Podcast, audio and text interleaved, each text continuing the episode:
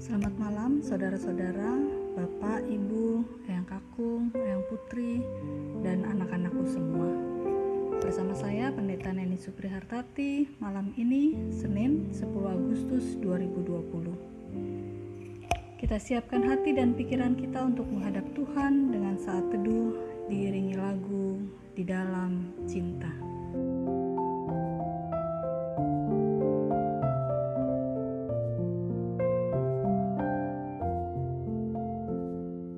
He I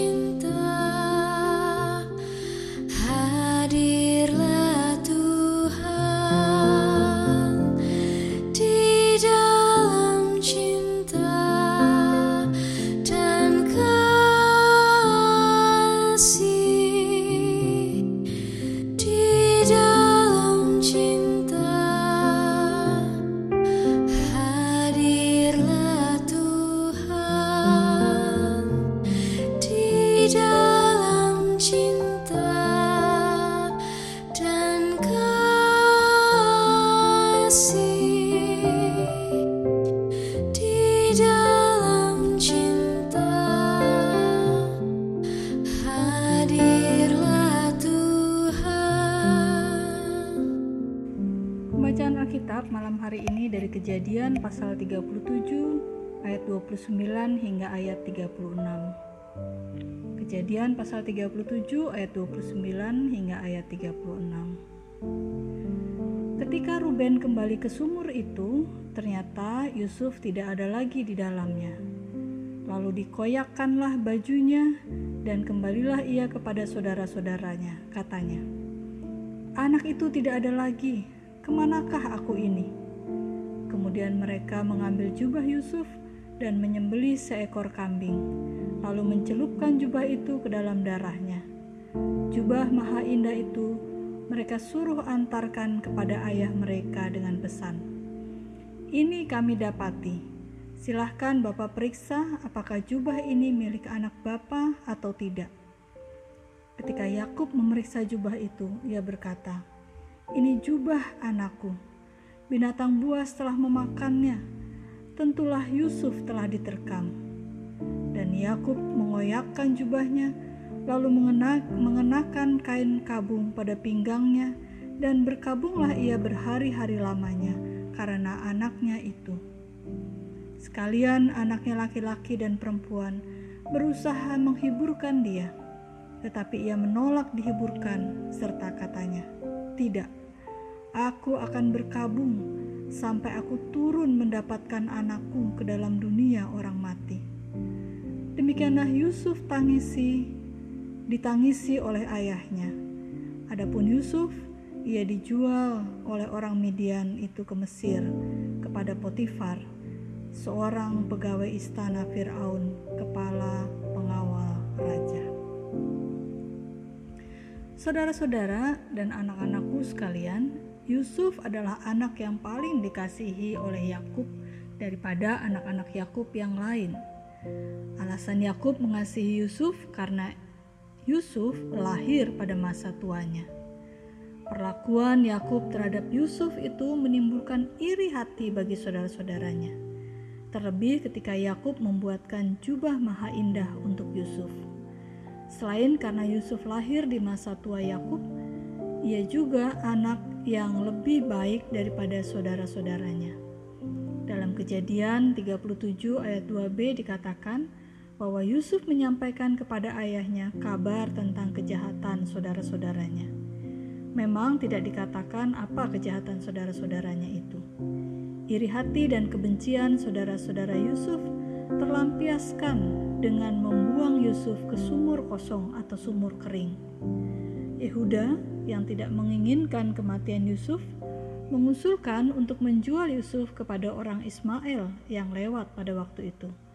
Maka dijuallah Yusuf sebagai budak kepada orang Ismail.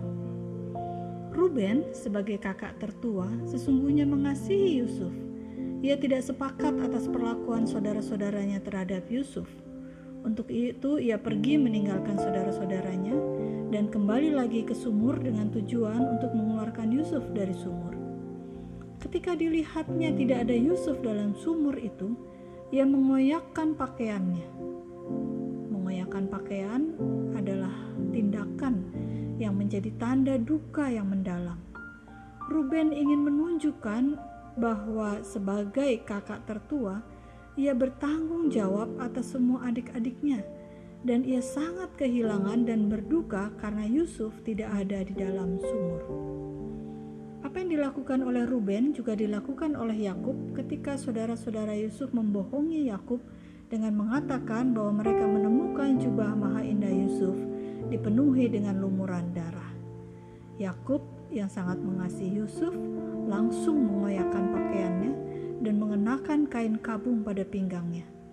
Yakub sangat berduka karena baginya Yusuf telah mati diterkam binatang buas. Ia berkabung berhari-hari dan menolak untuk dihibur oleh anak-anaknya. Perkataan Yusuf, "Aku akan berkabung sampai aku turun mendapatkan anakku ke dalam dunia orang mati," memperlihatkan betapa ia mengasihi Yusuf hingga tidak ada yang dapat menghiburnya kecuali ia berjumpa dengan Yusuf, sekalipun dalam dunia orang mati. Padahal ia masih memiliki anak-anak yang hidup bersamanya, bahkan saudara-saudaranya yang menghilangkan Yusuf dengan harapan agar Yakub mengasihi mereka. Tapi kasih Yakub terhadap Yusuf tidak hilang dengan tergant dan tergantikan sekalipun Yusuf tidak lagi bersamanya. Ruben sebagai kakak tertua yang bertanggung jawab dan mengasihi Yusuf mengoyakkan pakaiannya sebagai tanda duka dan berkabung atas Yusuf.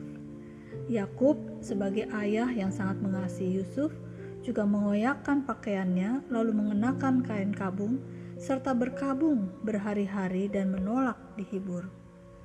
Ruben terlebih Yakub melakukan semua itu karena mengasihi Yusuf. Percayakah kita Allah juga melakukan yang sama ketika kita berduka, ketika Ia berduka atas kita? Allah berduka bukan karena kematian manusia, karena kematian orang percaya adalah kemenangan di dalam Kristus. Tapi Allah berduka dan mengoyakkan pakaiannya dan berkabung atas kita ketika ia melihat kita berduka dalam kisah Yakub dan Yusuf ketika Ruben dan Yakub mengoyakkan pakaiannya, saudara-saudaranya yang lain tidak ada yang mengoyakkan pakaian mereka, sebab mereka tidak ikut berkabung bersama Ruben dan Yakub. Ketika kita berduka, terlebih karena kematian, percayalah bahwa Allah ikut berduka dan berkabung bersama kita. Ketika kita menangis, Allah juga ikut menangis bersama kita. Berduka, berkabung, dan menangis karena Allah sangat mengasihi kita dan merasakan apa yang kita rasakan. Ia berduka dan berkabung dan menangisi karena kematian, bukan karena kematian atau untuk orang yang meninggal, tetapi karena Ia sangat mengasihi kita dan tahu apa yang kita rasakan. Allah juga ikut berkabung ketika kita berkabung. Amin. Mari kita bersama-sama berdoa, kita menaikkan doa Bapa kami dengan kita nyanyikan dan dilanjutkan dengan syafaat kita.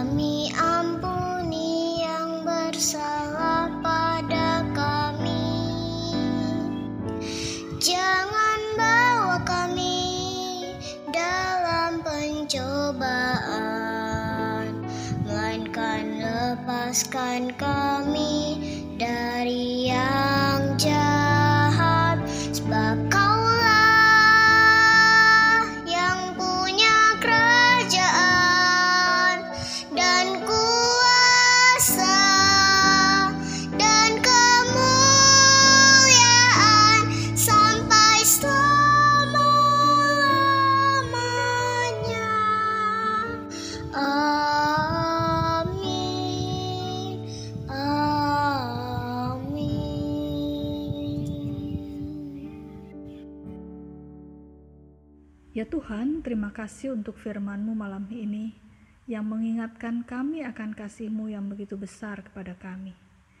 Jika Yakub sebagai seorang ayah sangat berkabung atas kehilangan Yusuf, anak yang dikasihinya, maka kami percaya bahwa Engkau juga ikut berkabung saat kami berkabung. Kami percaya Engkau adalah Allah yang setia, yang tidak pernah meninggalkan kami sesaat pun Ampunilah kami yang kadang tidak setia untuk datang kepadamu, bahkan meninggalkan Engkau. Buatlah kami untuk percaya bahwa Engkau mengetahui kedalaman hati kami, sehingga Engkau dapat dan ikut merasakan segala sesuatu yang kami rasakan. Kami percaya Engkau tersenyum, bahkan tertawa bersama dengan kebahagiaan kami, dan Engkau pun berkabung dan menangis bersama dengan kesedihan kami. Ajarlah kami untuk mengasihimu, seperti engkau begitu mengasihi kami. Dalam pengasihanmu kami mohon. Tuhan,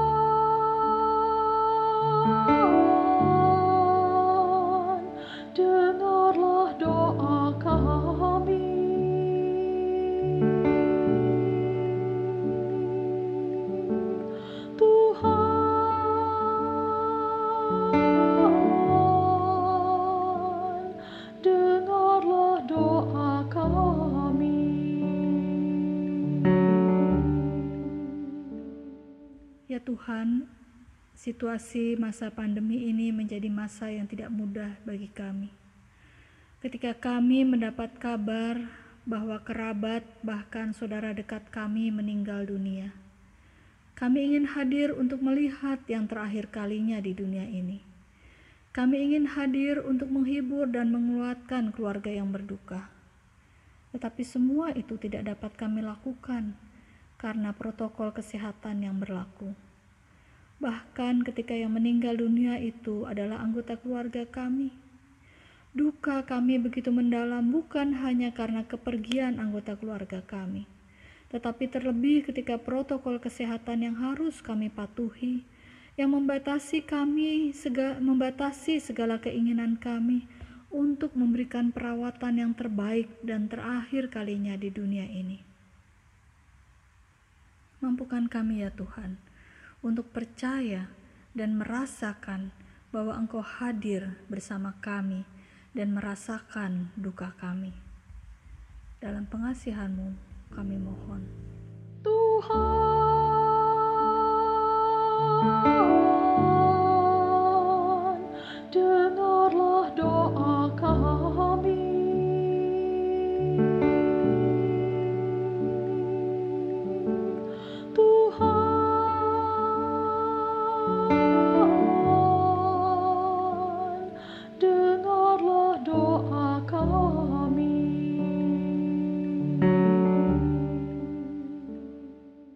Tuhan, kami berdoa untuk saudara-saudara kami yang saat ini sedang sakit, penyakit apa pun yang sedang mereka alami, terlebih saudara-saudara kami yang mengalami sakit dalam waktu yang panjang dan belum juga mengalami kesembuhan. Kami percaya Engkau hadir dalam kehidupan saudara-saudara kami yang sakit. Berikanlah keyakinan bahwa Engkau memakai dokter dan obat yang diminumnya untuk memberikan kekuatan dan kesembuhan. Berikanlah sukacita sekalipun dalam kelemahan tubuh, sebab hati yang gembira adalah obat yang dapat mengalahkan segala sakit penyakit. Kami berdoa untuk keluarga yang menjaga dan merawatnya. Berikanlah kesehatan, kesabaran, ketulusan, dan kesukacitaan dalam menjaga dan merawat yang sakit. Dalam pengasihanmu kami mohon. Tuhan, Oh.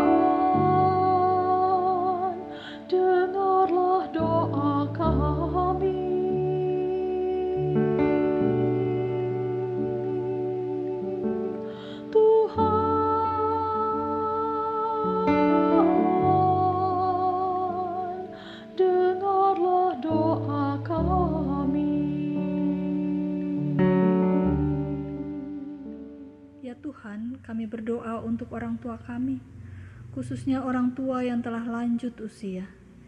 Di masa pandemi ini, ketika segala sesuatu menjadi dibatasi, tentulah menjadi kerinduan untuk dapat berjumpa dengan anak, menantu, dan cucu-cucu. Terlebih orang tua yang tinggal sendiri, tentulah merasakan kerinduan yang dalam untuk berkumpul bersama keluarga besar. Kami percaya Engkau ada bersama dengan saudara-saudara kami yang lanjut usia, para eyang kami dalam kehidupan mereka. Berikanlah kesehatan dan kebahagiaan kepada mereka, ya Tuhan. Tolonglah agar anak, menantu, dan cucu-cucu tetap dapat menyapa dan hadir dalam kerinduan mereka, sekalipun tanpa perjumpaan secara langsung karena itulah yang dapat memberikan Inilah doa kami malam ini. Dalam pengasihanmu